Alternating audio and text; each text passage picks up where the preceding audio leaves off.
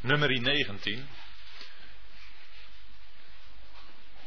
vanaf vers 1.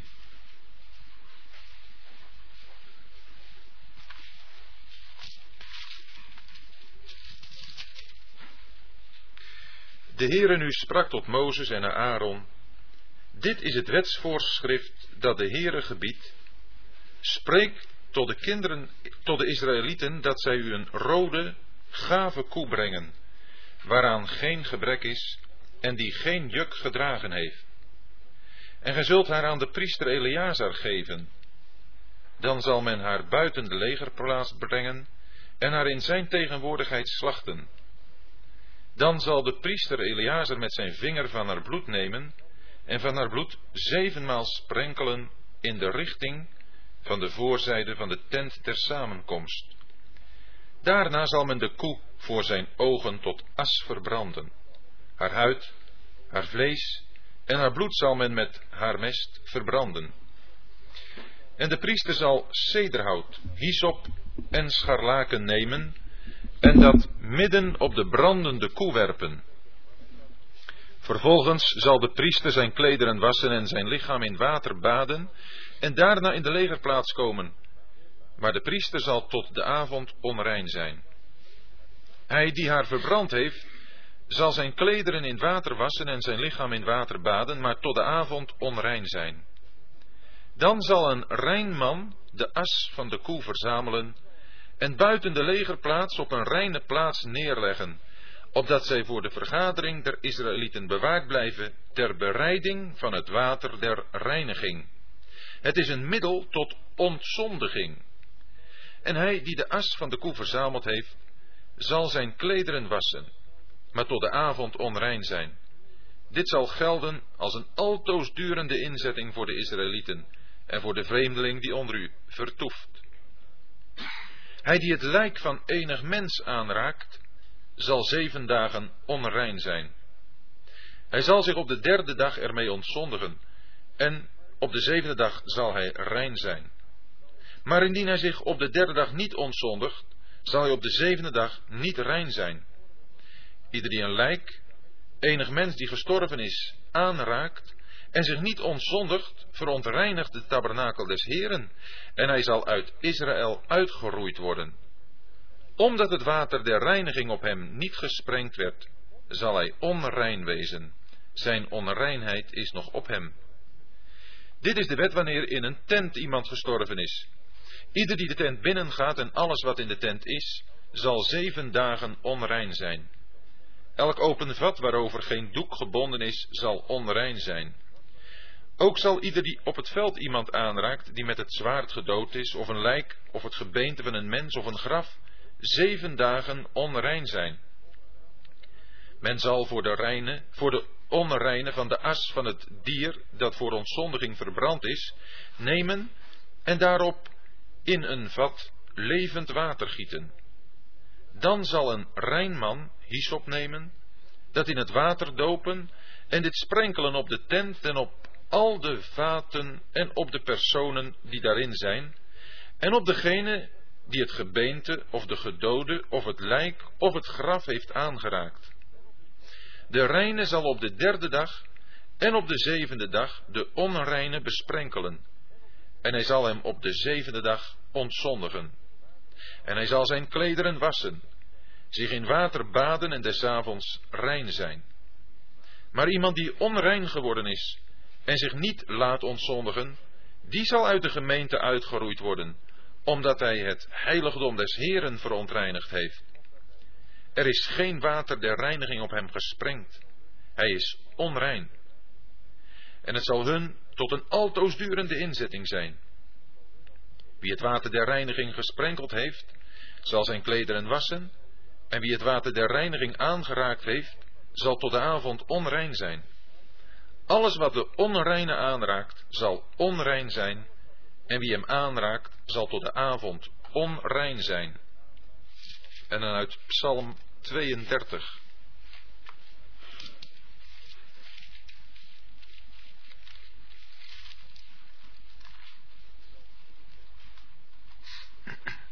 Psalm 32, vanaf vers 1.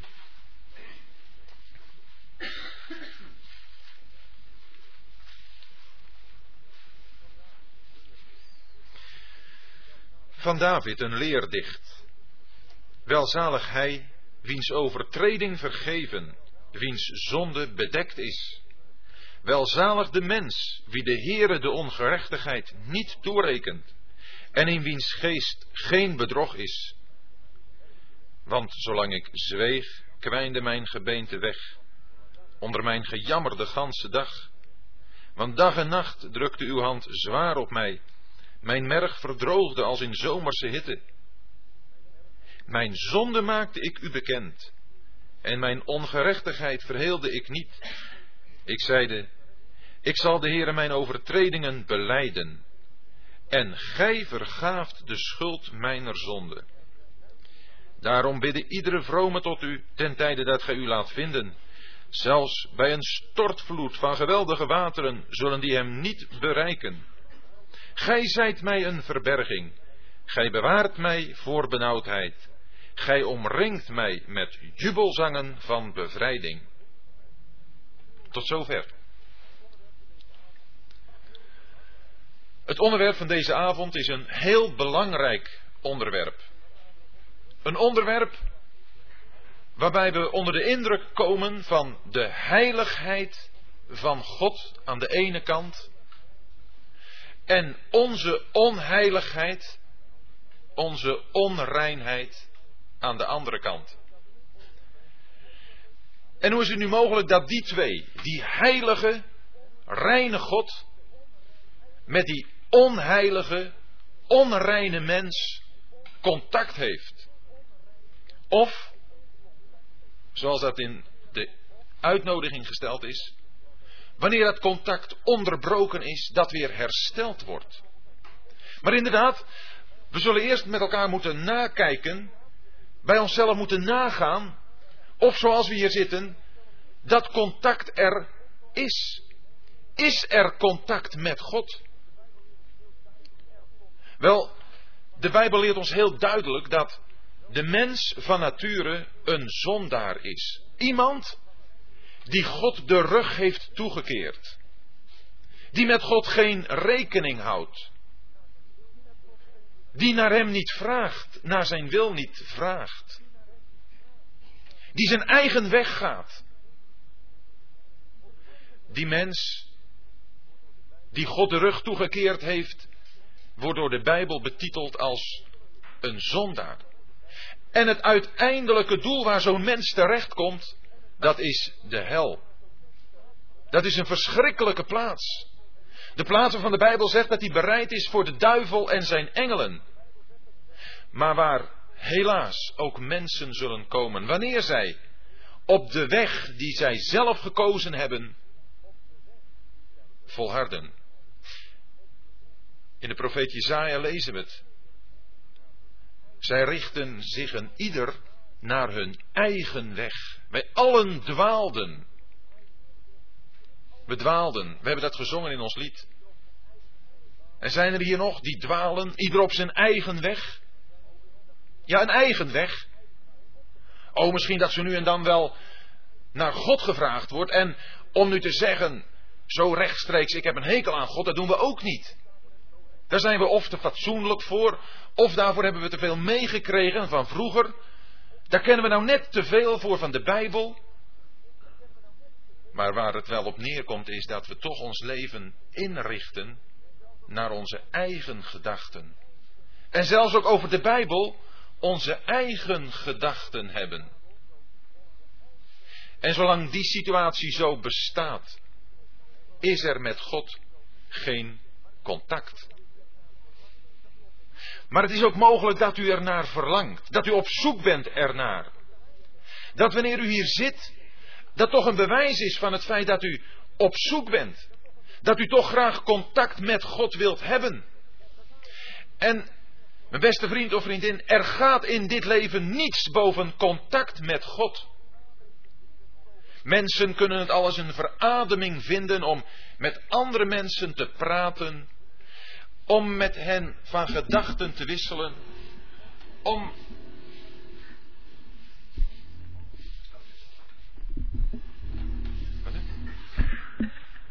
foto. om met andere mensen te praten, om met die andere mensen van gedachten te wisselen, om bij die andere mensen eens een stukje begrip te ontmoeten, om daar een contact mee te hebben. Er zijn in dit leven, in de wereld waarin we leven, heel wat contactstoornissen, waardoor het in huwelijken stuk kan lopen, waarbij het in de verhouding tussen ouders en kinderen stuk kan lopen. En dat is een hele trieste zaak. En er wordt van alles aan gedaan om zo'n contact weer wat tot stand te brengen. Maar waar het vanavond om gaat en waar het in het leven in de eerste plaats om gaat, is contact met God. Opdat ook die andere contacten hun juiste uitoefening zullen krijgen. Contact met God. Ik hoop dat u er naar op zoek bent. Maar ook op zoek bent in die zin dat u van God verlangt dat er een antwoord komt. Dat u van God dat antwoord ook krijgt en accepteert, ook aanvaardt. Dat u met het antwoord van God iets gaat doen. Wel, God heeft dat antwoord gegeven.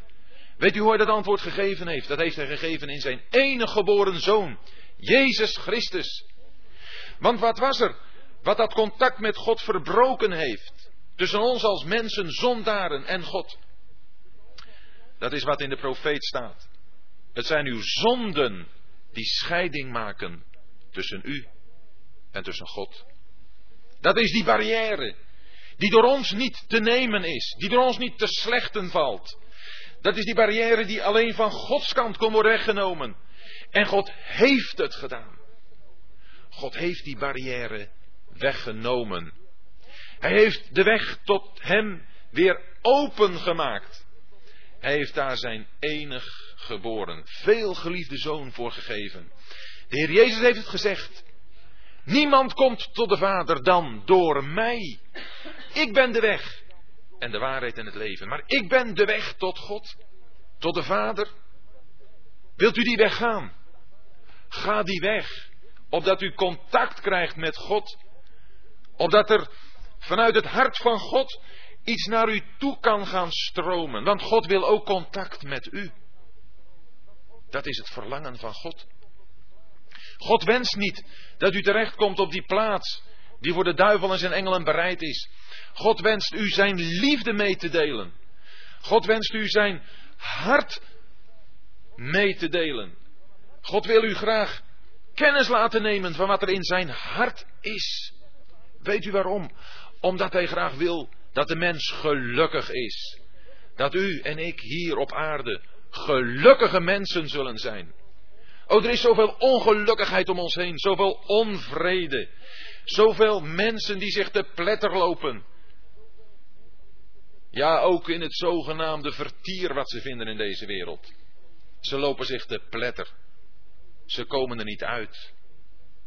Want het ene vertiertje na het andere, het gaat allemaal in damp op. En wat er overblijft is een leeg gevoel. En dat lege gevoel wil God vullen. Vullen met zijn zoon Jezus Christus. De Heer Jezus vult het hele hart van God. De Heer Jezus vult de hemel. En ieder die hier is en de Heer Jezus heeft aangenomen, het heeft gezegd, o God, ik ben een zondaar. Wees mij genadig. Die mag weten ook in de hemel straks te komen, in het vaderhuis om daar voor eeuwig bij de Vader te zijn en het Vaderhuis te mogen binnengaan en daar te zijn in de tegenwoordigheid van de Heer Jezus. Maar hier op aarde ook is het al mogelijk dat de Vader en de Zoon bij ons komen en in ons gaan wonen, onze harten gaan vullen. Dat we als het ware dat leven van het Vaderhuis al naar ons toe halen en dat hier gaan genieten. Is het dan een somber pad zoals we gezongen hebben wat je dan betreedt? Nee, dat is een geweldig pad. Dat is een pad waar vreugde en overvloed van vreugde te vinden is. Nee, niet de vreugde van deze wereld. Niet de pleziertjes waar de mensen zonder God en zonder Christus zich helemaal in uitleven. Het wordt ook niet gekend voordat u de Heer Jezus hebt toegelaten in uw hart. Maar wanneer dat gebeurd is, dan gaat er een nieuwe, een andere wereld voor u open. Een wereld die bestaat uit het leven in contact met God. Dat is niet zomaar een zaak voor eens een, een bevlieging of voor een vroom ogenblik of misschien zelfs voor een dag, zondag. Nee, dat is iets wat ons hele leven mag doordrenken. Van de vroege morgen tot de late avond. En zelfs als we s'nachts niet kunnen slapen, David zegt het, dan pijns ik op mijn legersteden aan u. Dan gaat ons leven een glans krijgen, een inhoud die we niet voor mogelijk hadden gehouden. En ook een inhoud waarvan de wijte, de draagwijte zich uitstrekt tot in de eeuwigheid. Waar kiest u voor? Voor dit korte, tijdelijke leven, wat zo ineens afgelopen kan zijn? Waarin je van niets zeker bent, behalve van één ding, dat je zult sterven? Of kiest u voor Jezus Christus? Voor contact met God? Dat contact met God, dat kan onderhouden worden. Daar hebben we vorige keer aan gedacht. Dat kan onderhouden worden doordat we gaan lezen in de Bijbel en doordat we gaan bidden. Lezen is luisteren naar wat God zegt en bidden is tegen God zeggen wat er bij ons aanwezig is en dan luistert God. Contact is altijd iets van twee kanten. Contact kan niet zijn van één kant alleen. Van twee kanten. Dat willen we toch graag beleven. En toch kunnen er in het leven van een gelovige, van iemand die een kind van God heet en is, van die perioden komen of ogenblikken waarbij je dat contact niet meer beleeft, waarbij je dat contact kwijt bent. Er kan er allerlei gebeurtenissen, omstandigheden, kan dat plaatsvinden. Door misschien beproevingen, moeilijkheden in uw leven. Van een grote nood waarmee u zit. En waarmee u tot God gaat. En als het ware God bestormt. En het lijkt wel alsof God er niet is. Of de hemel van koper is. Dat kan gebeuren. Maar vergeet u niet, het contact is er wel.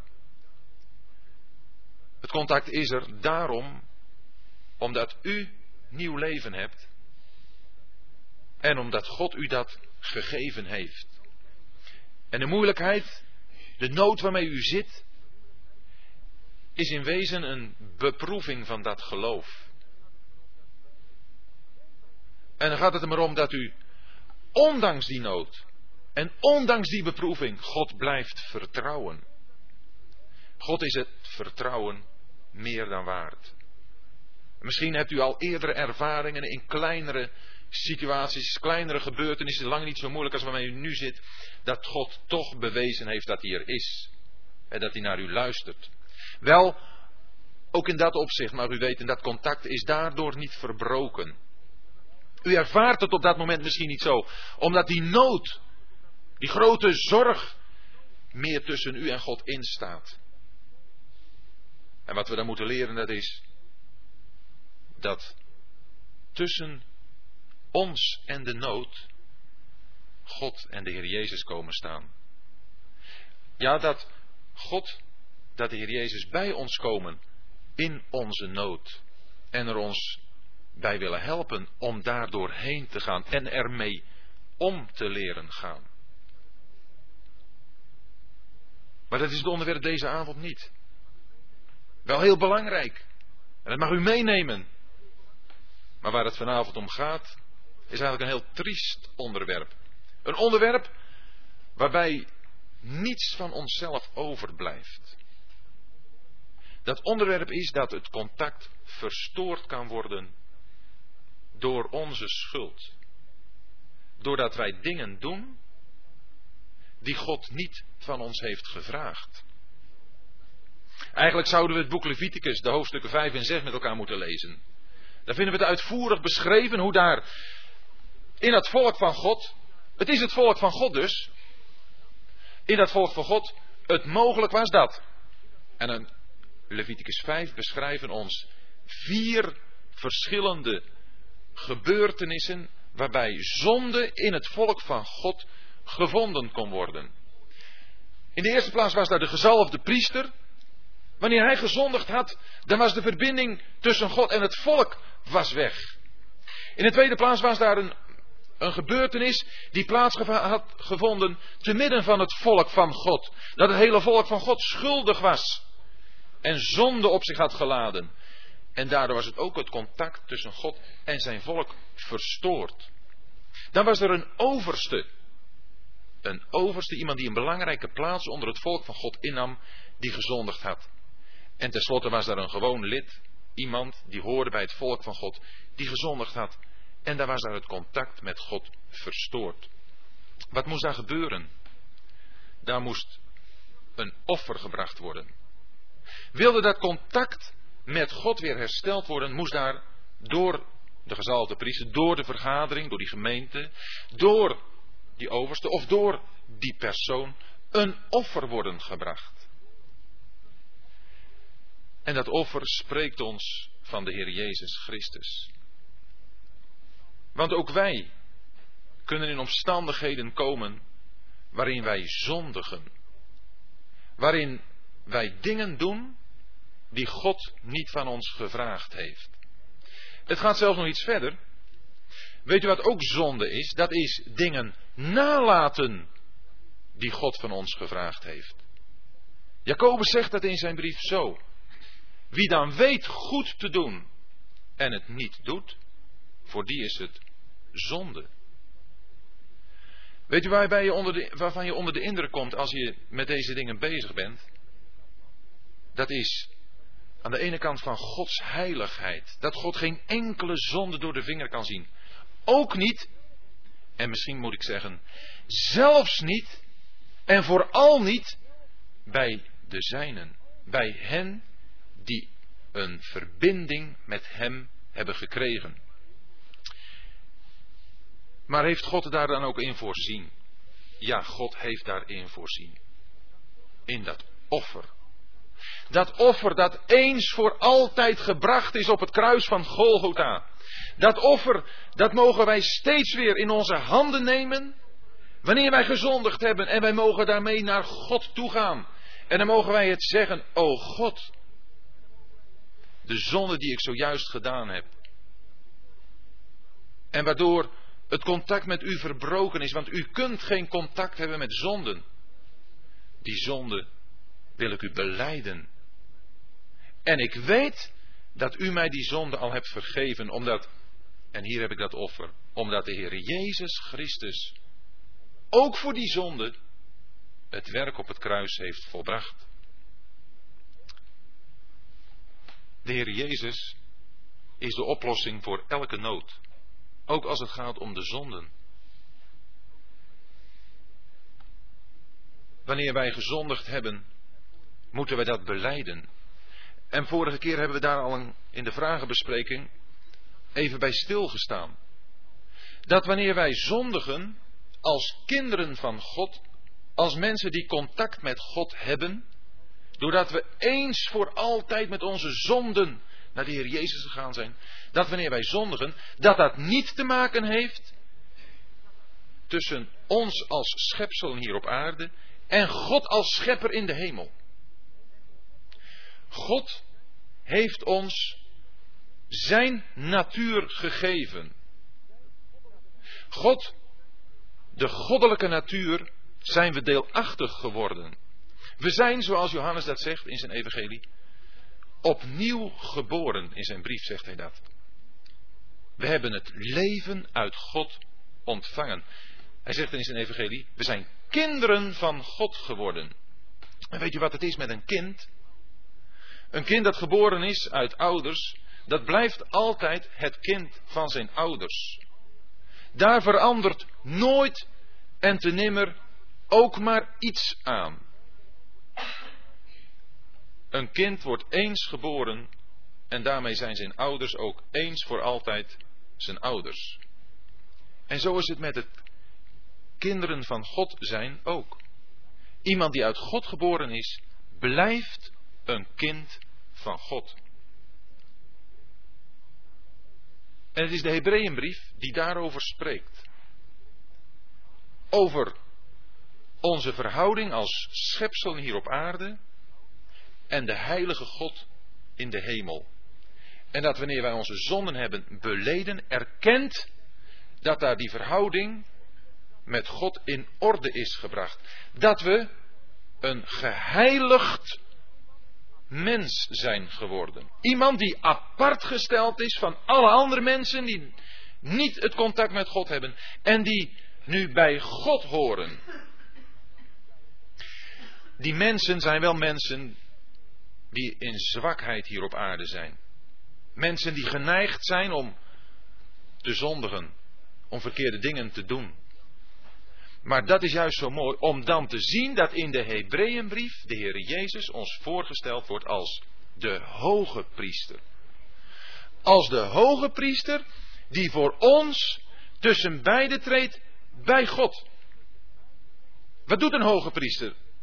Een hoge priester die zet zich in voor een volk hier op aarde, voor u en mij, als we de Heer Jezus toebehoren, om ons te helpen in zo'n soort omstandigheden zoals ik u net gezegd heb, waarin het zo moeilijk is. Waarbij we er zelfs toe zouden komen om te zeggen, nou God, het hoeft voor mij niet meer. Ik vraag u nou al zo lang om dit of dat. En ik krijg het maar niet, het hoeft voor mij niet meer. Daar zijn wij toe in staat. En dat wij daarvoor bewaard worden, dat is omdat de Heer Jezus daar als hoge priester is om altijd voor ons tussen beiden te treden. Hij leeft daar in de hemel voor u en mij om voor ons tussen beiden te treden bij God. Dat is om voor ons bij God aan te kloppen. Maak het eens even zo simpel zeggen. En bij God die ondersteuning te vragen die u en ik nodig hebben.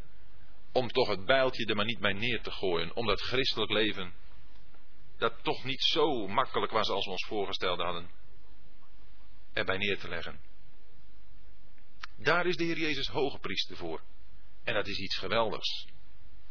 Maar de Heer Jezus is ook, en nu komen we nog dichter bij ons onderwerp, de voorspraak bij de Vader. Ik heb u gezegd dat wanneer wij één keer geboren zijn uit God, het nieuwe leven hebben, zijn we kinderen van God.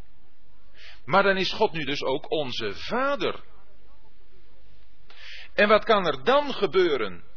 Wel, dan kunnen wij als kinderen wel ongehoorzaam zijn. Kunnen wij als kinderen wel zondigen, verkeerde dingen doen. En dan heeft dat niet te maken met onze relatie tot God. Die is eens voor altijd geregeld. Maar heeft dat te maken met onze relatie tot de Vader. Net zoals er in een gezin kinderen kunnen zijn die stout zijn, die ongehoorzaam zijn, die wel kinderen blijven, maar waarbij, doordat zij ongehoorzaam zijn, zij de liefde van hun ouders, hun vader, hun moeder, niet meer zo kunnen ervaren. Waarom niet? Omdat die ouders die liefde niet kunnen geven zo aan dat kind. Dan moet eerst iets gebeuren. Dat kind moet met het verkeerde wat hij gedaan heeft voor de draad komen. Dat moet hij erkennen, toegeven. En dan kan dat en is dat contact weer hersteld. Is het normaal dat een gelovige zondigt dan? Nee, dat is niet normaal. Johannes schrijft in zijn brief: Mijn kinderen, ik schrijf u deze dingen opdat u niet zondigt. Zou dus toch volmaakt kunnen worden? Hij schrijft er direct achteraan: Maar als iemand gezondigd heeft, wij hebben een voorspraak bij de Vader. Dat is Jezus Christus, de rechtvaardige. En wat is nu het werk van de Heer Jezus als de voorspraak? Het werk van de Heer Jezus als de voorspraak houdt dit in. Dat Hij zich met u en met mij bezighoudt om wanneer wij gezondigd hebben, dat ook te erkennen, dat te beleiden. We vinden dat in een prachtige illustratie bij Petrus. Petrus, dat was de man Die het wel voor de Heer zou opnemen. Die zelfs wel bereid was met de Heer te sterven. En de Heer zegt tegen Petrus: Petrus, dat kun je nog wel zeggen. Maar voordat de haankruid zul je me driemaal verlogend hebben. Maar, zegt de Heer erbij, ik heb voor jou gebeden dat je geloof niet zou ophouden. En dat aangrijpende moment komt dan ook. Dat Petrus de Heer heeft verlogend en dat de haan kraait en dat hij in tranen uitbarst vanwege de verloochening van de Heer. En wanneer de Heer daar voor zijn rechters, zijn aardse rechters staat, en Petrus daar buiten, wenend over zijn daad, zien we daar hoe de Heer zich omkeert en Petrus aanziet. En Petrus, zo staat er dan, herinnerde zich het woord dat Jezus gesproken had. Het woord is het waardoor de Heer Jezus u en mij tot erkenning van onze zonden wil brengen. Dat is het woord. Dat woord vinden we voorgesteld in dat reinigingswater waar we in nummer 19 over gelezen hebben. We willen eens een paar versen met elkaar eruit halen, want dit nummer 19 is van hele grote praktische betekenis voor ons leven hier op aarde.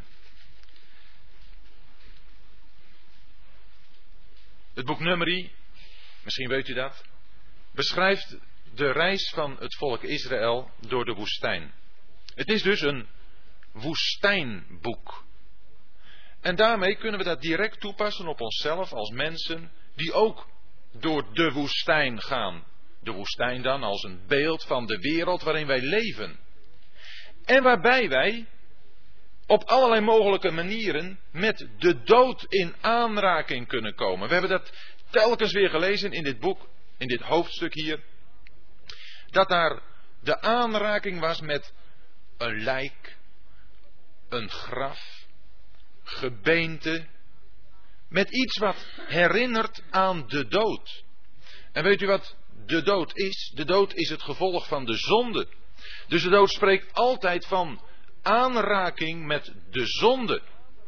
En als u en ik door deze wereld heen gaan, komen wij noodzakelijkerwijs met de wereld in aanraking. Maar voordat we daar verder over na gaan denken, is het goed om te zien hoe God ons in dit hoofdstuk de dingen voorstelt. Hij gaat ons namelijk eerst iets beschrijven over een heel speciaal offer. Een offer dat we niet vinden in de andere boeken van Mozes. Niet in Leviticus, niet in Exodus, maar hier in Numeri, in Numeri 19. En dat offer is, zoals dat genoemd wordt, het offer van de rode vaas of van de rode koe. Een gave rode koe. Dat offer, dat is een heel uniek offer. Want dat offer was het enige offer wat in zijn totaliteit verbrand werd. Van de andere offers werd altijd iets gebracht, ook van het zondoffer zelfs, iets gebracht op het altaar. Van het zondoffer werd het vet op het altaar gebracht. Van dit offer wordt zelfs het bloed verbrand. En we begrijpen dat als de offers in het algemeen spreken van de Heer Jezus, dan spreekt dit offer ook van de Heer Jezus. Maar dan in de afschuwelijkheid, zoals hij aan het kruis geweest is en daar tot zonde werd gemaakt.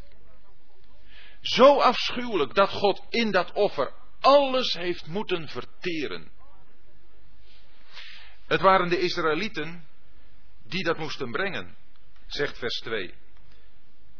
Spreek tot de Israëlieten dat zij u een rode, gave koe brengen. Voordat er nog iets over zonde, voordat er nog iets over aanraking met onreinheid gezegd wordt, gaat God eerst zijn volk bezighouden met die rode, gave koe. Voordat wij ook met elkaar kunnen gaan nadenken over hoe wij verontreinigd kunnen worden, is het van groot belang te zien dat God in zijn wijsheid en ook in zijn voorzienigheid ons eerst gaat vertellen, voordat die onreinheid aan de orde komt, is er al een offer. Dat offer is klaar. Dat offer hoeft niet meer gebracht te worden, dat is er. En wij als gelovigen, als kinderen van God, voor zover we hier zijn en dat mogen zeggen, door genade, wij mogen in de eerste plaats weten dat wanneer er verontreiniging is, er ook al een offer klaar is. Het offer van de rode gavenkoe. Waarom rood? Rood spreekt van het bloed. Want zonder bloedstorting is er geen vergeving.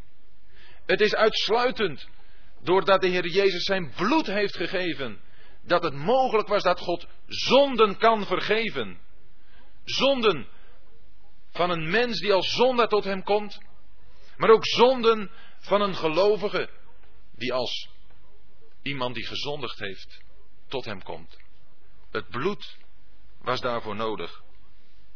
Maar het was een offer, zegt vers 2, en dan geef ik de voorkeur aan de Statenvertaling, waar het nog iets duidelijker staat, een offer in welke geen gebrek is en op welke geen juk gekomen is.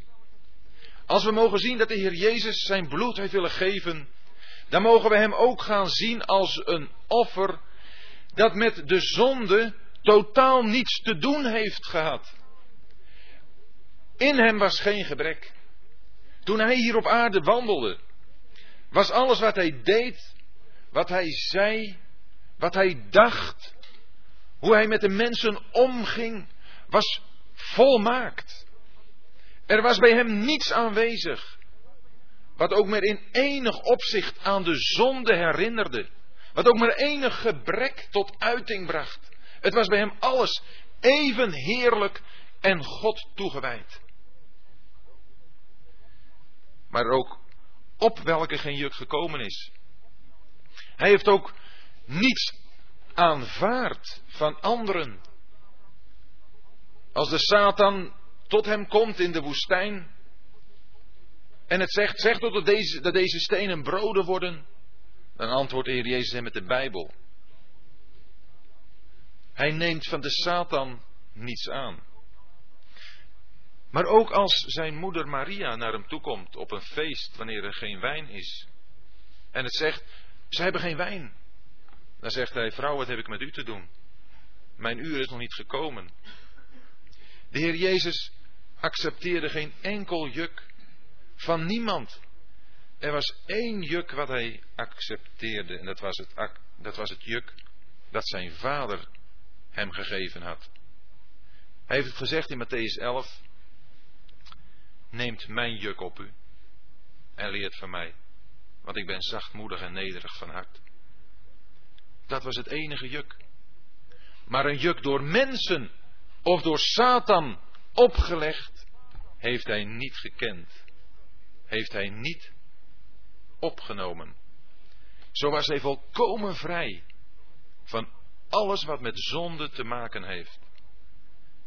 En daarom, ook daarom, kon hij het zijn die naar het kruis ging, om daar voor u en mij alles bij God in orde te brengen, met betrekking tot onze zonden met wat wij gedaan hebben.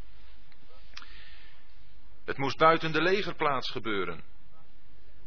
Het was iets afschuwelijks. Het was op die plaats waar ook het zondoffer gebracht werd. Daar moest ook dat offer gebracht worden. En vers 5 zegt dat de koe voor zijn ogen, de ogen van Eliazer, tot as zou worden verbrand. As spreekt van een volkomen uitgeoefend oordeel. As dat betekent dat het vuur er overheen gegaan is en dat er niets meer van over is. En dat heeft de Heer Jezus toch ook gedaan?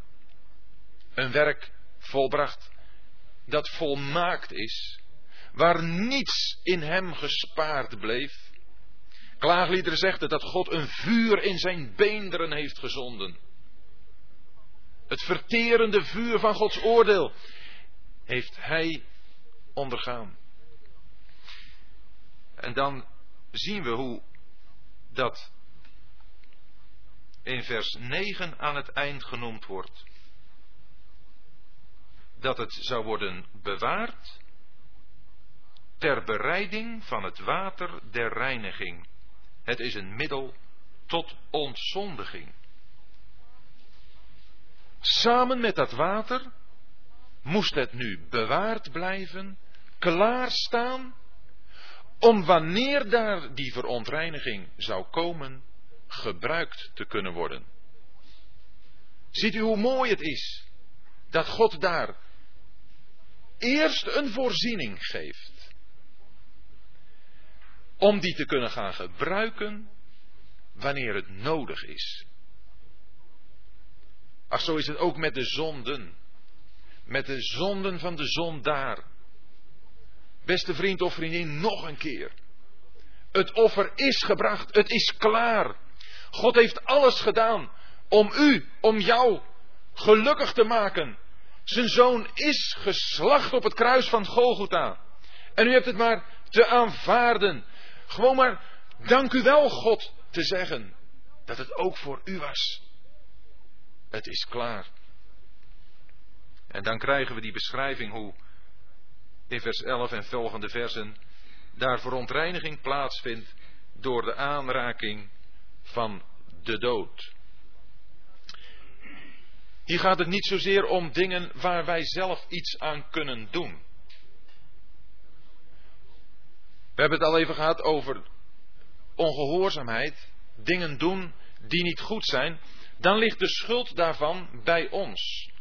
En dan moeten we dat beleiden. Maar hier in nummer 19 gaat het vooral daarom dat wij door ons louter gaan door deze wereld verontreinigd worden. Wat denkt u? Dat als u hoort vloeken, dat dat niet verontreinigend werkt? En als u door de stad loopt en u ziet dingen, dingen die verontreinigend werken. Je hoeft maar langs een winkel, een seksshop te lopen en als je daar voor een eerste keer in een stad komt, dan kun je dat, kan je dat overvallen. Maar het verontreinigt. Ik weet niet welke lectuur u in huis hebt. Maar het is misschien goed om dat eens na te gaan. Zijn daar niet dingen bij die verontreinigend werken? Welke programma's bekijkt u? Als u al televisie hebt. Zijn daar dingen bij die verontreinigend werken? Oh, daar kunt u misschien wel wat aan doen. Maar het kan zo ook ineens plotseling gebeuren. Weet u wat er nodig is? Dat we het water van ontzondiging op ons toepassen.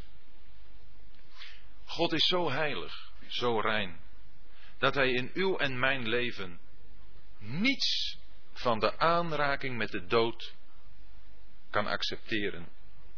Dat dat in de verhouding die we met Hem hebben kan blijven bestaan. Kunnen we die dingen zijn, zoals gezegd, waar u niets aan kunt doen? Maar toch bent u, ben ik, onrein. Waarom? Omdat God zo heilig is. Maar we weten het, God heeft ook een middel gegeven van reiniging. En het is het water der ontzondiging. Dat betekent dat wij daarmee voor de dag moeten komen. Dat wij met dat wat we gehoord of gezien hebben, naar God toe moeten gaan en Hem dat moeten beleiden. Het moeten uitspreken voor Hem dat we dit of dat gezien of gehoord hebben. Wat misschien nog zo kan naklinken in ons hoofd. Waarvan de beelden nog zo levendig in onze gedachten kunnen zijn. Dan zullen we het woord van God moeten gaan lezen. Dat is het water. Levend water wordt ervan gesproken in het hoofdstuk. En levend water ziet erop dat het woord van God levend gemaakt wordt door de kracht van de Heilige Geest. En dat we ons zullen bezighouden met de Heer Jezus en zijn werk op het kruis. Want het was nodig dat Hij stierf, ook voor die onreinheid. Opdat er weer contact kan zijn, gemeenschap met God. God wenst dat. Nee, u kunt er niets aan doen. In sommige gevallen. En daar gaan we nu even vanuit. Dat u er niets aan kunt doen. Maar dat is nummer 19. Die aanraking met de dood. Dan bent u toch onrein geworden. En moet u gereinigd worden. Wanneer u dat niet doet. Hebben we twee keer in dit hoofdstuk gelezen. Dat wanneer iemand het water der ontzondiging niet wilde toegepast krijgen, dat zo iemand moest worden uitgeroeid. Dat is heel erg. Ziet u dat niet het feit dat we verontreinigd zijn? Een motief is dat God wil dat we uitgeroeid worden. Nee, dat kan ons allemaal overkomen. Maar wanneer moeten we worden uitgeroeid? Wanneer moeten we worden weggedaan uit het midden van de gemeente? Hier in Israël was dat dat iemand gedood moest worden. In de huidige tijd, de tijd van het christendom, betekent dat dat iemand moet worden weggedaan uit het midden van de gelovigen. 1 Korinthe 5. Doet de boze uit uw midden. Waar je best eens met een ander over kunt praten. Ja, dan wordt die ander, en dat hebben we ook gelezen, wordt ook verontreinigd. Praten over zonden met elkaar verontreinigd. Maar het kan ook zo heilzaam werken. Jacobus zegt er ook van, beleid dan elkaar de misdaden. Nee, ik bedoel niet dat u maar nu met iedereen over al uw verkeerde dingen moet gaan praten. Nee, het gaat om een hele concrete zaak. Om iets wat u bezighoudt. Daar kunt u best eens een keer, hoeft ook niet eens altijd, maar het kan zo zijn. Met een ander praten daarover. Zodat u dan van, van die ander vaak iets uit het woord van God voorgehouden krijgt.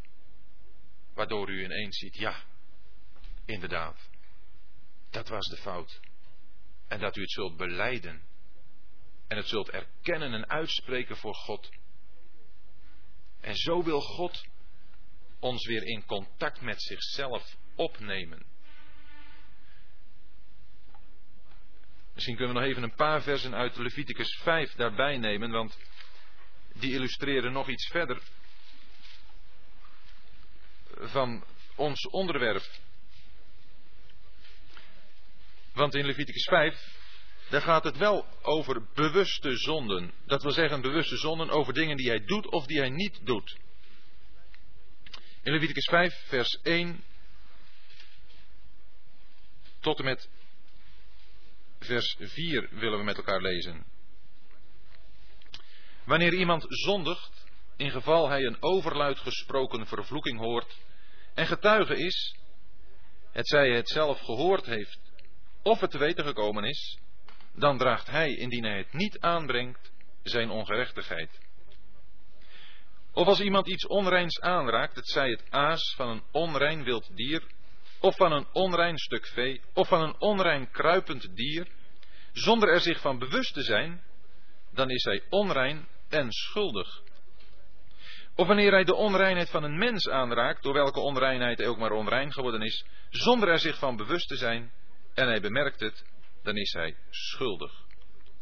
Of wanneer iemand onbezonnen een eed uitspreekt om iets te doen, het zij kwaad, het zij goed, hoe een mens ook maar in een eed onbezonnen spreken kan, zonder er zich van bewust te zijn, en hij bemerkt het, dan is hij schuldig aan een van deze dingen. Hier vinden we drie gevallen opgenoemd waarbij zonde aanwezig is en waarvan reiniging moet plaatsvinden. Daar is in de eerste plaats het geval als iemand een overluid gesproken vervloeking hoort. Dan heb ik het niet over dat wij moeten getuigen als we om ons heen horen vloeken. Het is natuurlijk wel nodig om te getuigen. Het doet ons pijn als het goed is. Als het ons geen pijn doet, dan kunnen we ons afvragen of er nieuw leven is. Maar het doet ons pijn.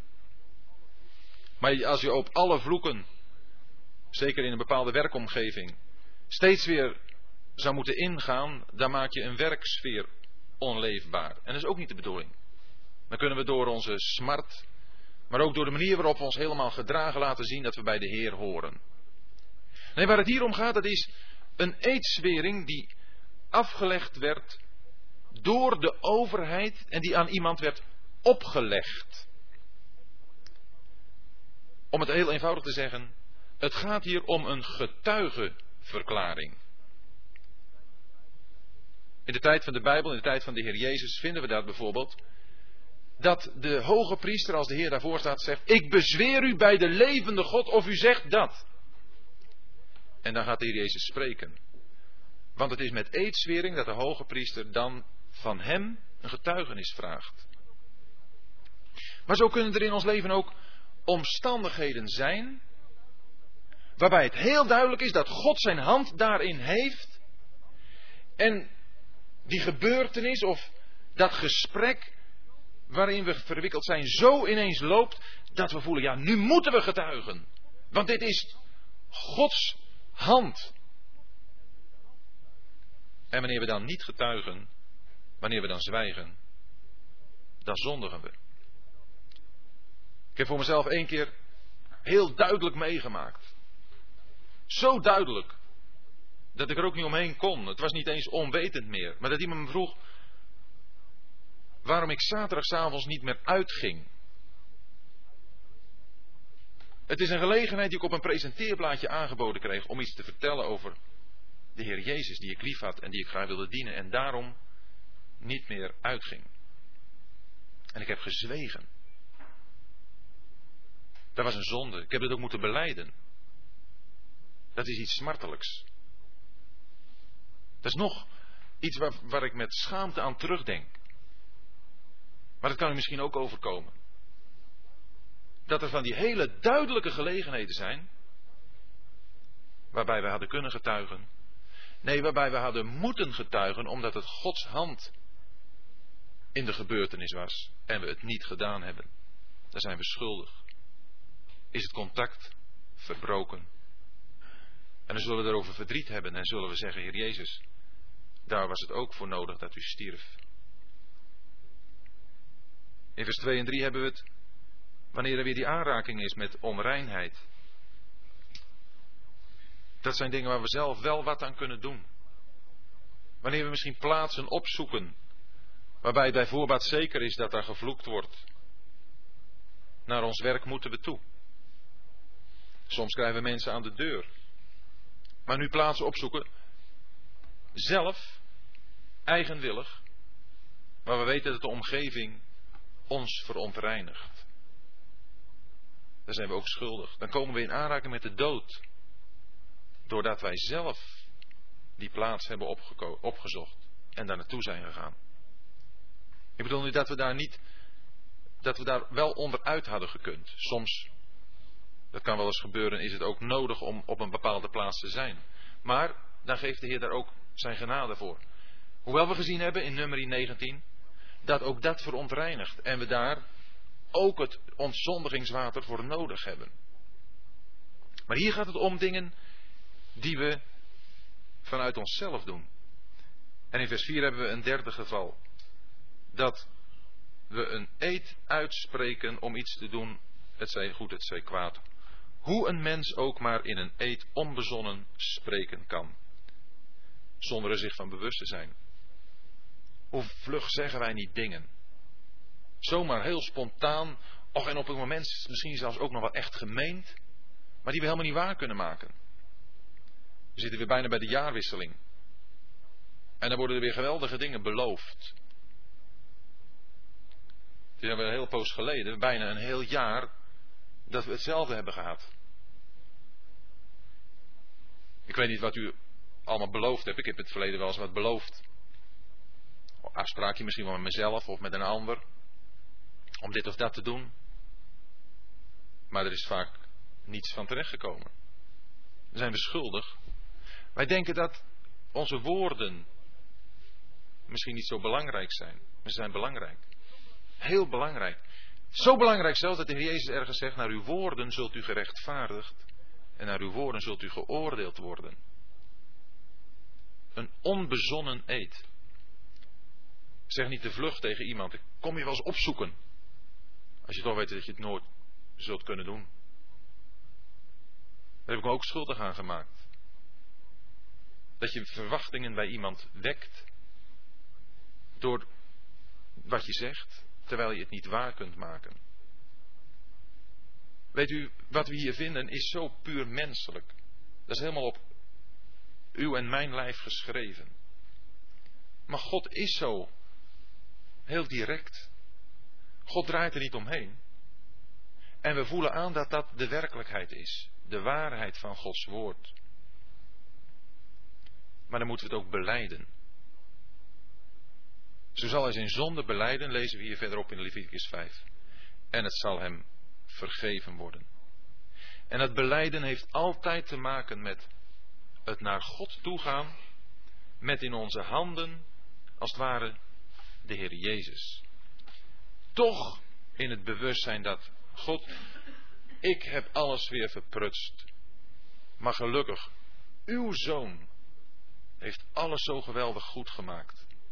Zo alles weer heerlijk in orde gebracht. En dan, dan kunnen we het met de psalmist zeggen zoals we dat gelezen hebben in Psalm 32. Welzalig de mens. Welzalig hij, wiens overtreding vergeven, wiens zonde bedekt is. Welzalig de mens, wie de Heere de ongerechtigheid niet toerekent en in wiens geest geen bedrog is.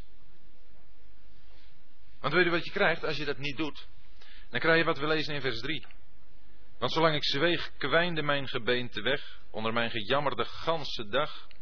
Want dag en nacht drukte uw hand zwaar op mij. Mijn merg verdroogde als in zomerse hitte.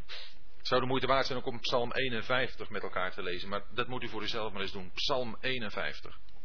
Maar hier vinden we er ook iets van. Als wij onze zonden niet beleiden, dan gaat ons geestelijk leven eraan. Dat verdroogt. Dan hoop ik ook dat we de hand van de Heere op ons voelen drukken. Dat we ons onder die druk niet kunnen uitwerken. Maar dat we het voelen, het is zijn druk. Zodat ik ertoe kom, om wat in vers 5 staat, mijn zonde maakte ik u bekend. En mijn ongerechtigheid verheelde ik niet. Wat we moeten doen als we beleiden, dat is de dingen met naam en toenaam noemen. Zonden bij de naam noemen. We zijn er meesters in om zo heel algemeen te praten. En natuurlijk, als, mensen, als je met mensen praat, dan hoor je ze wel. Die zeggen, ja, maar je bent een zondaar. Natuurlijk, we zijn allemaal zondaars. Zo heerlijk in het vage. En ons helemaal in de massa laten opgaan. Nee, Jij, u, ik ben een zondaar. En waar bestaat het uit? Dat bestaat uit. En dan kunnen we tegenover God zeggen: Dit heb ik gedaan. Dat heb ik gedaan. Mijn zonde maakte ik u bekend. Mijn overtreding verheelde ik niet. Dat hebben we te zeggen tegen God. Precies waar het op aankomt. Op die ene zonde, waar het contact door is verbroken met God, dat moet ik zeggen. Dat vraagt God, dat verlangt God. En dat is ook de enige mogelijkheid om dat contact weer in orde te krijgen. Zou u het accepteren als een van uw kinderen kwam en tegen u zegt: Wilt u mij vergeven wat ik gedaan heb? En je zult de eerste vraag: Maar wat heb je dan gedaan? Dan moet er toch iets genoemd worden. Ook met die dingen moeten we leren omgaan. Want dat maakt ons bewuste christenen. Dat maakt ons bewuste mensen in een verhouding met God.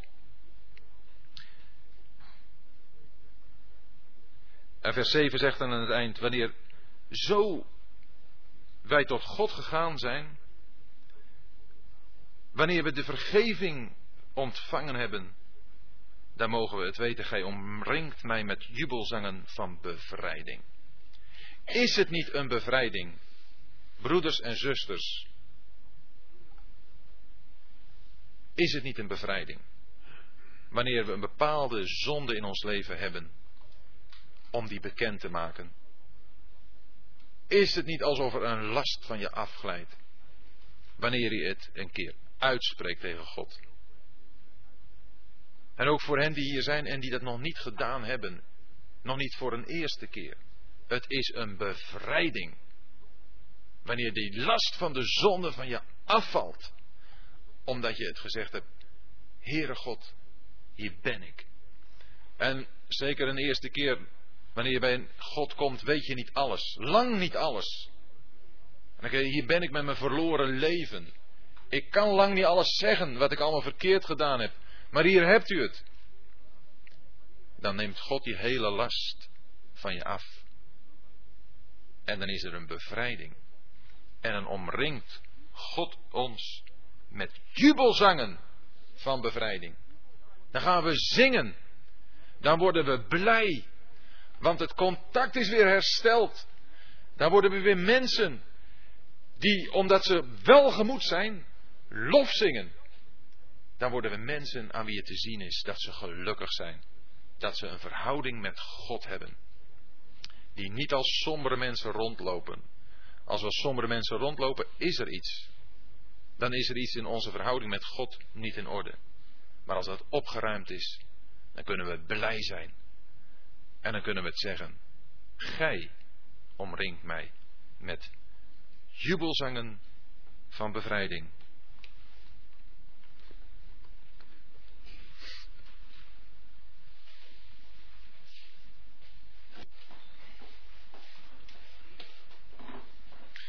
De eerste vraag is, waarom een vrouwelijk offer in nummer 19? Het is toch een beeld van de Heer Jezus?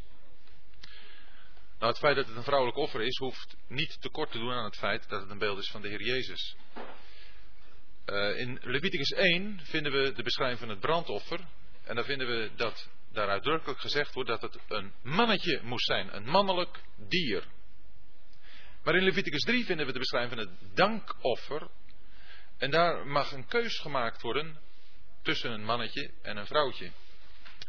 Nu uh, is het zo dat in het Oude Testament, in die verschillende beelden, die voorstellingen van de Heer Jezus, die verschillen natuurlijk wel een betekenis hebben.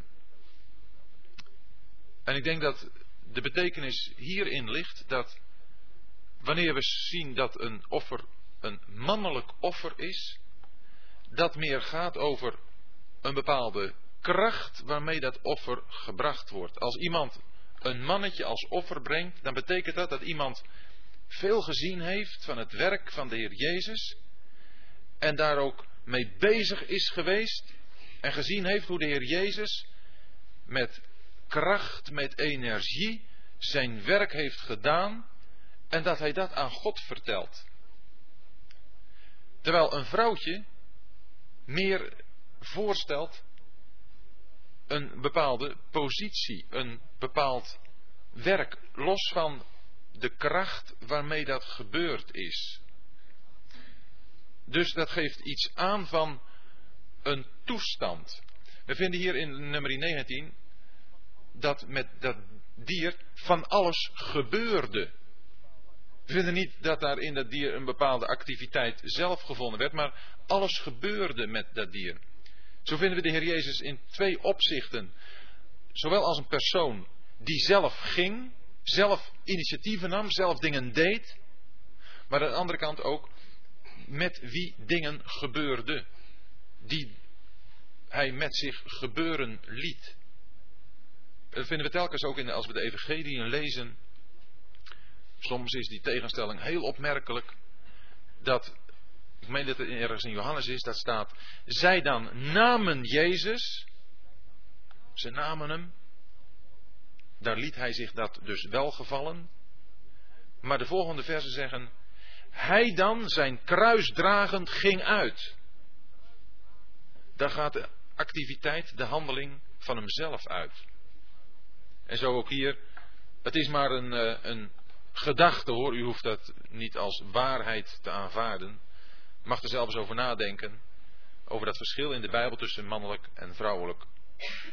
Maar voor zover ik het zie, is dat dus dat het vrouwelijke altijd iets is wat een bepaalde positie, een toestand weergeeft. En dat het mannelijke aangeeft dat een positie, een toestand ook verwerkelijkt wordt. We kunnen het ook zien met het feit dat we kinderen van God zijn. We zijn kinderen van God. Dat is één ding, wat we zijn. Maar de tweede zaak is dat we daar ook naar leven, dat we dat ook in praktijk brengen, dat laten zien. Nou, dat is nu een beetje het verschil tussen mannelijk en vrouwelijk. De tweede vraag. Wanneer door de dingen in nummerie een kind verontreinigd werd, onbewust, hoe moest, dat, hoe moest dan de reiniging plaatsvinden? Onze kinderen worden ook verontreinigd door allerlei onreinheid. De ouders kunnen hiervoor vergeving vragen, zijn als het ware verantwoordelijk. Was dit ook zo bij de Israëlieten? Ja, nu staat er uh, wat de verantwoordelijkheid betreft van de kinderen ontzettend weinig in het Oude Testament. In het Oude Testament worden altijd de ouders aangesproken. Zij zijn verantwoordelijk. Er staan wel verschillende dingen van kinderen geschreven, maar dat zijn kinderen die met vragen komen, bijvoorbeeld. Als het gaat over het paascha, dan lezen we dat kinderen aan hun ouders kunnen vragen: wat, wat is dat? Wat betekent dat nou? Vinden we ook als ze door de Jordaan zijn heen gegaan, met die stenen, kunnen de kinderen ook weer komen. Maar wat zijn dat nu? Eh, wat betekenen die, die dingen nu? We vinden in het boek Nummerie dat ouders hun kinderen moeten inscherpen. Telkens maar weer moeten vertellen. Telkens maar weer moeten voorhouden.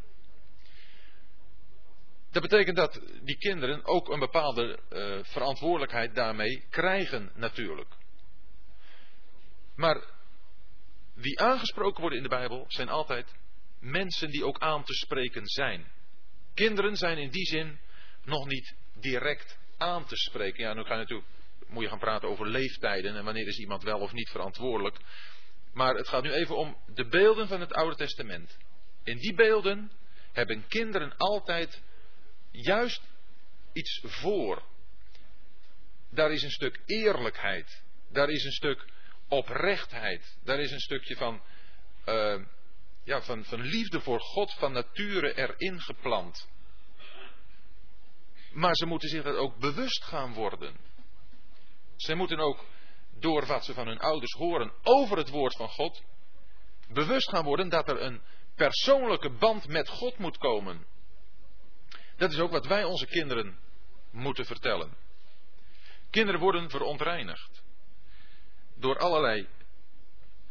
En de parallel is niet zozeer dat kinderen in het Oude Testament in het volk van Israël ook onze kinderen zijn. Kinderen in het Oude Testament hoorden bij het volk van God omdat zij als Israëlieten geboren waren. Daarom hoorden zij daarbij. En van hun ouders kregen ze dan overgedragen wat God had meegedeeld.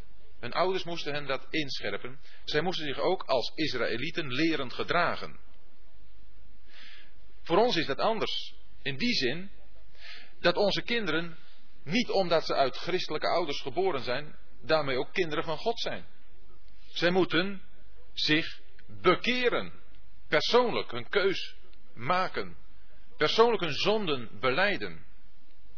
Maar betekent dat dat ik mijn kinderen tot het moment dat ze hun zonden echt beleiden, opvoed alsof het heidenen zijn?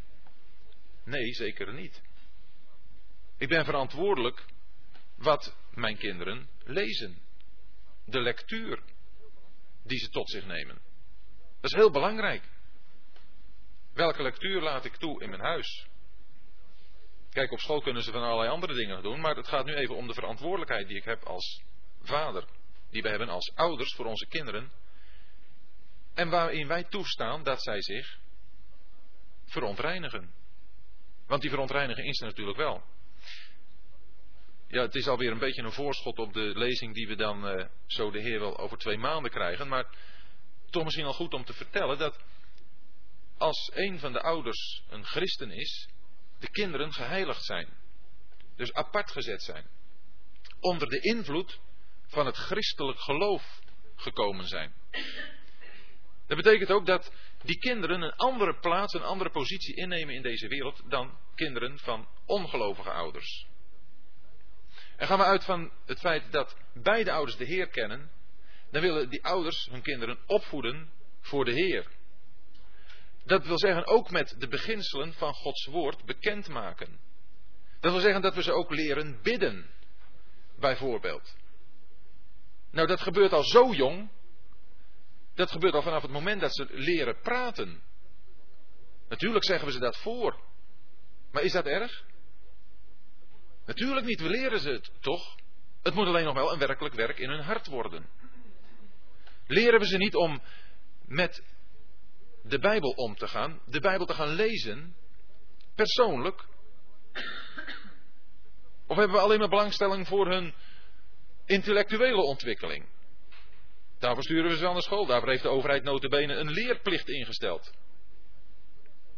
Of willen wij onze kinderen ook inscherpen wat het woord van God zegt?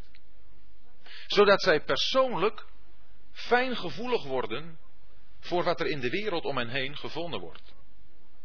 Zodat ze zullen aanvoelen wat past bij de sfeer van het huis waarin ze leven, waarin ze opgroeien. En dat als ze in de wereld zijn, ze weten, dat is niet de sfeer van thuis. We moeten ze wel leren zelfstandig door de wereld heen te gaan. Maar dat kan toch alleen maar op een goede manier als we hen het woord van God bijbrengen. Als dat de norm van hun denken, van hun handelen wordt. Of gaan we zo slordig met onze kinderen om dat, zolang ze nog niet gekozen hebben voor de Heer, kunnen we er eigenlijk ook niets aan kwijt. Dat zou een hele slordige zaak zijn.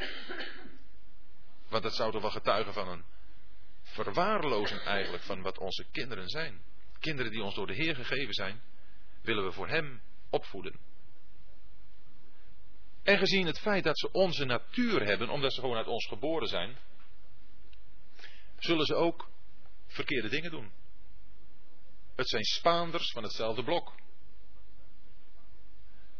Dus wat ik bij mijn kinderen herken, dat zijn niet van die prachtige dingen.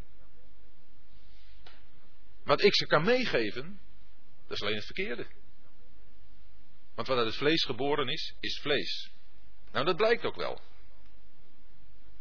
En op grond daarvan kunnen we ze aanwijzen dat ze de Heer Jezus nodig hebben.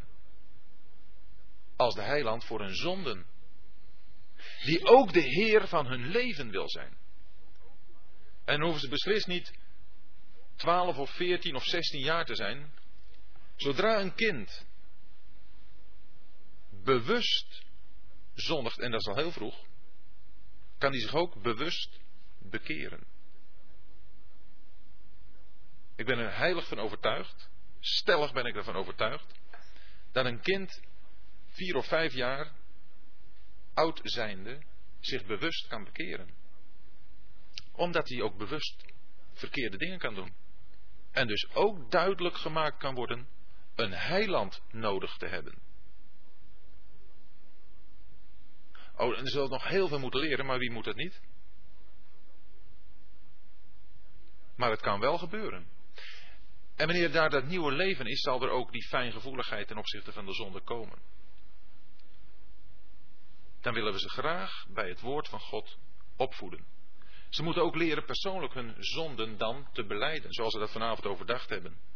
Dat moeten zij ook leren. Moeten ze doen. Oh, ik weet best, het gaat allemaal nog in het begin omdat de ouders het zeggen. Maar is dat verkeerd? Het lijkt me een noodzakelijk iets.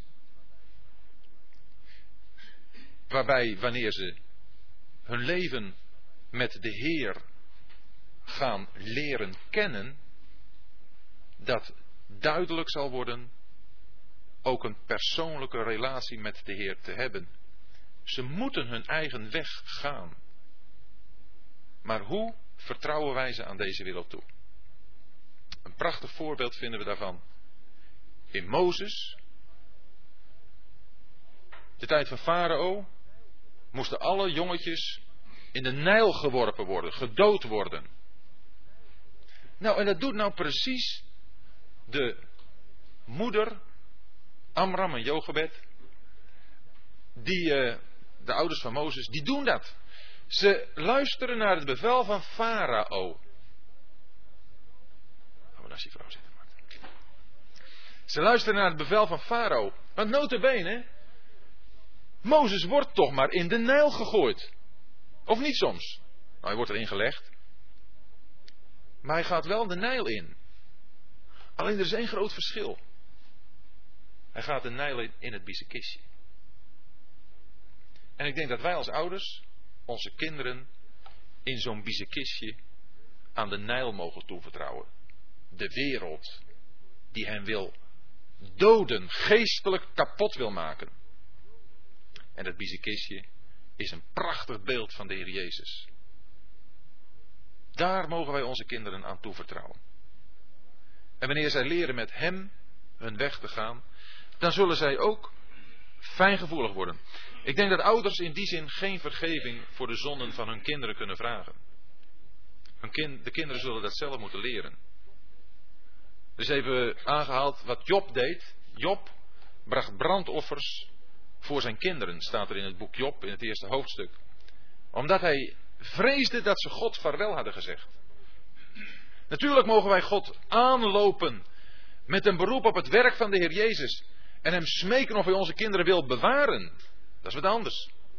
Maar wat onze kinderen persoonlijk verkeerd gedaan hebben, zullen ze ook persoonlijk moeten beleiden. Natuurlijk, gelukkig kunnen wij God altijd met het beroep op zijn zoon voor onze kinderen smeken. Zo kunnen we het voor meerderen doen, voor anderen ook. Smeken. We kunnen alleen God aanlopen met het oog op anderen, of het nu onze kinderen zijn of andere mensen, met het oog op de Heer Jezus gericht. Want alleen daardoor kan God werken dat anderen bewaard blijven of gered worden. Dus ik hoop dat dit enigszins beantwoordt aan wat uw vraag betreft. Zijn er nog mondelinge vragen?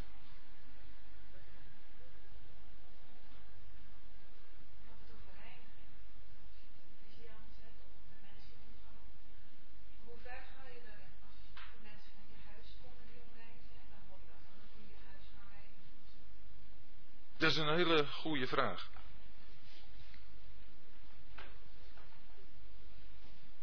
Wij hebben het over geestelijke reiniging. Hè? Over reiniging van ons denken, van ons gevoelen, van ons aanvoelen van de dingen. Het gaat niet over een reiniging in letterlijke zin. Schoonmaken van ons huis of onszelf wassen, andere kleren aantrekken. We hebben erover gelezen in het boek Numeri dat dat bij die priester en bij die man moest gebeuren. Maar nog eens een keer, in het boek Numeri, in het Oude Testament in het algemeen, hebben we wat in letterlijk opzicht daar gebeurde, voor ons een geestelijke betekenis. Dus een geestelijke inhoud. Um, ik weet niet of u de geschiedenis van Johannes 13, de voetwassing kent. Moeten we eens even lezen, want daar heb ik ook nog even aan gedacht. Johannes 13.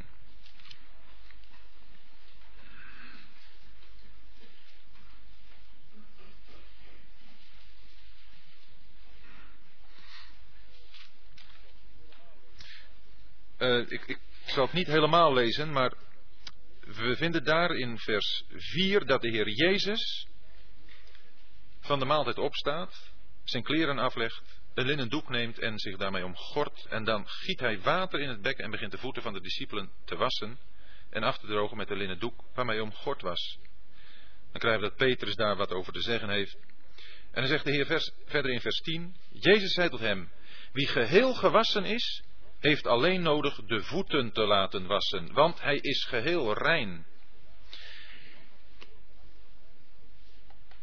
Iemand die geheel gewassen is, en daar heb ik het over gehad, dat is iemand die voor de eerste keer tot God gegaan is met zijn zonden. En gezegd heeft, oh God, ik ben een zondaar. Wilt u mij maar rein maken? Oh, en dat heb ik in uh, de lezing nog niet gezegd. En het is goed toch om daar nu nog even wat van te zeggen. Dat gebeurt door het bloed. Het bloed dat reinigt van de zonden. Maar het bloed wordt ook maar één keer toegepast. Slechts één keer moeten wij een beroep doen op het bloed van de Heer Jezus Christus. Want dat is eens voor altijd gestort. Het bloed van Christus. En dat is wat de Heer Jezus zegt. Wie geheel gewassen is, die is gewassen in het bloed van Christus. Die is geheel rein. Maar wat heeft u nu nog nodig? Dat is zijn voeten te laten wassen. En wat wil dat nu voorstellen? Nou, want dat is ons gaan door deze wereld, ons verblijf hier op aarde, maakt dat onze voeten vuil worden. En dus weer nu in geestelijke zin. Wij gaan door deze wereld heen. We hebben ons werk. We komen met mensen in aanraking. Als u zegt, mensen komen bij ons in huis. We spreken met elkaar. Dan horen we dingen die niet in overeenstemming zijn met het woord van God, met de Bijbel. Uh, als mensen uh, tot bekering komen, of als je met mensen over de Heer Jezus spreekt bijvoorbeeld, dan heb je een heel goed onderwerp. Mensen die zo van de straat eens binnenkomen. Ze gaat hebben een hele club jeugd. Die uh, kwamen bij ons binnen. En die, die gaan er gewoon vertellen alles wat ze meemaken. Nou, dat, daar komt seksuele praat komt daaruit. Er komt platvloerse taal uit. Je wil met die mensen spreken over de Heer Jezus. Maar je hoort het wel allemaal. Dat verontreinigt, dat maakt je onrein. Als je daarna niet in je Bijbel leest, om daarvan gewassen te worden, en dat is nu dat wassen, dan blijft ons dat niet alleen aankleven, maar dat gaat ons steeds ongevoeliger maken voor zulk soort taal. We gaan daaraan wennen. Dat is een groot gevaar dat wij gaan wennen aan de manier van taalgebruik, ook aan de manier van leven in de wereld om ons heen, dat we ongevoelig worden voor de heiligheid van God. Want het is God die ons leven besturen wil. God die ons leven de enige plaats wil hebben. Als we denken over de acceptatie van de homofilie tegenwoordig in de maatschappij, of de vrije seksuele omgang in de maatschappij, dan kunnen we, juist door dat wat we om ons heen vinden en hoe dat verdedigd wordt, heel prachtig met fraai omklede redenen, wordt dat naar voren gebracht. Dan kunnen we denken, nou, er zit ook nog wel wat in. Maar dan moeten we het woord van God weer gaan lezen. Want dan gaan we zien dat seksualiteit iets is wat hoort binnen het huwelijk. En ook als we er op een vuile manier over horen praten, moeten we het woord van God lezen om te zien dat het niet vuil is, maar dat het binnen het huwelijk als iets moois beleefd kan worden. En zo vinden we dat dus in ons hele verblijf hier in deze wereld. Als wij bijvoorbeeld gewend zijn om naar het strand te gaan, om een heel actueel voorbeeld te noemen, waar de mensen er steeds naakter bij gaan lopen, dan kunnen we daar helemaal aan gewend raken. Als wij normaal daar naartoe gaan. Maar het is een hele trieste zaak. Die schaamteloosheid. Als wij niet het woord van God nemen, dan moeten we tot onze schaamte bekennen dat het ons allemaal niet zoveel meer zegt. Dat we daar wat ongevoelig voor worden. Maar we moeten het woord van God nemen om de zaken te zien zoals ze zijn. En dan zou het kunnen zijn dat het van die plaatsen worden waar ik u al van verteld heb. Dat als je daar bewust naartoe gaat, je daar dus ook bewust verontreinigd wordt. Zo nauw ligt het allemaal, zo gevoelig ligt het. God wil dat u en ik, met betrekking tot de zonde, met betrekking tot de wereld waarin we leven, heel fijn gevoelig zijn. Opdat we zijn stem kunnen horen en opdat we zijn werk kunnen doen. Dan gaat het helemaal niet om dat we met stenen gooien naar mensen die wel zo leven. Nee, we moeten wel bereikbaar zijn. We moeten wel mensen over de liefde van God en over de Heer Jezus kunnen vertellen. Dat is een opdracht. Van de Heer Jezus staat dat mensen van hem zeiden: Tjoe, deze ontvangt zondaars en eet met hen. Wij kunnen de diepst gezonken mensen in huis halen om hen te vertellen over de liefde van de Heer Jezus. Als dat maar onze doelstelling is. En zo lezen we het ergens in de brieven. Als iemand van de ongelovigen u uitnodigt en u wilt erheen gaan, ga dan maar heen. En eet alles wat je voorgezet wordt zonder onderzoek te doen uit gewetensbezwaar. Maar we snappen wel dat dat gezegd wordt. Je wilt erheen gaan, dat je daar een dienst voor de Heer kunt doen. Dat je daar naartoe gaat, omdat je weet, de Heer vraagt het van mij. Wel, dan kun je op bewaring rekenen. In die zin dat de verontreinigingen je niet zo zullen aankleven dat je daar niet meer vrij van komt. Die bewaring mogen we dan op rekenen. Maar het is altijd goed om als christenen dat contact met God zo nauw aan te halen dat wij de dingen gaan voelen zoals Hij ze voelt. Kijk, God kan niet verontreinigd worden, maar wij wel. En dat we daarom de Bijbel lezen, het woord nemen. En het woord is het water. Er staat in Efeze 5 dat de Heer Jezus de gemeente reinigt. Heb je die gedachte van reiniging? Door de wassing van het water van het woord. Dus telkens als het gaat over water, over reiniging van gelovigen, dan gaat het over water. Niet meer het bloed. Het bloed is eens voor altijd gestort. Maar wat wij nu nodig hebben voor onze reiniging, dat is het water. En daarmee, zoals we vanavond overdacht hebben, verbonden de as. De as van die rode, gave koe, als een beeld van de Heer Jezus, dat voor die zonde, voor die verontreiniging, in de dood is gegaan. En dan hebben we weer contact. En wat Johannes 13 betreft, is het zelfs zo, dan hebben we gemeenschap met God. Want dat is het geweldige, dat wij gemeenschap met God mogen hebben. Dat is een ander woord voor contact. Een Bijbels woord. Gemeenschap betekent iets, hetzelfde deel bezitten als de ander. Nou, als wij met God contact, gemeenschap hebben, hebben wij hetzelfde deel als wat God heeft, de Vader heeft. Wat heeft de Vader? Hij heeft de Zoon. Wij hebben de Zoon ook. Dan kunnen we met de Vader over de Zoon spreken. En zo kunnen we ook gemeenschap hebben met de Zoon. Wat heeft de Zoon? Heeft de Vader? Nou, die hebben we ook. Dan kunnen we met de Zoon over de Vader spreken. Maar dan moet het wel zo zijn dat wij onze voeten willen uitsteken om die te laten wassen. Dat betekent dat u en ik onze wegen overzien. De manier waarop we vandaag geleefd hebben, nog eens even nagaan. Zijn er dingen geweest die ik had moeten doen, die ik niet gedaan heb? Zijn er dingen geweest waar ik iets had moeten zeggen, wat ik niet gedaan heb? Zijn er dingen geweest waar ik niets aan kon doen, maar die ik toch gehoord of gezien heb? Als we het woord lezen, dat is heel opmerkelijk, dan komt ons dat te binnen. En weet u wat ook nog belangrijk is? En daarmee wil ik besluiten. Dat wij als we gezondigd hebben, daarmee niet wachten tot de avond. Of op zijn gekst tot zaterdagavond om maar rein de zondag in te gaan. Maar dat als we gezondigd hebben, dat direct doen. Dat zou fijn wezen. Voor mij, voor u. Want als contact met God verbroken is, zijn we ongelukkig. En laat die tijd alsjeblieft zo kort mogelijk duren. Direct doen. Geef de Heer ons daarbij zijn genade. Want er zijn gevallen waarin het erg moeilijk is. Waarin een zonde soms gekoesterd wordt. Of waarin echt banden zijn die een mens kunnen vasthouden. Daarom, de geringste zonde doe het direct.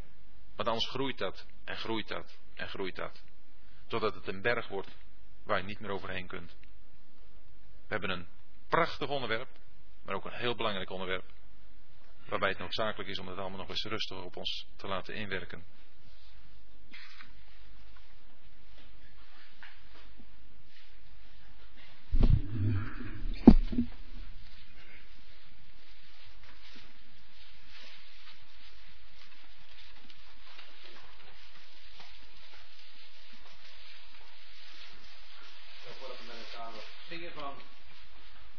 over the same of those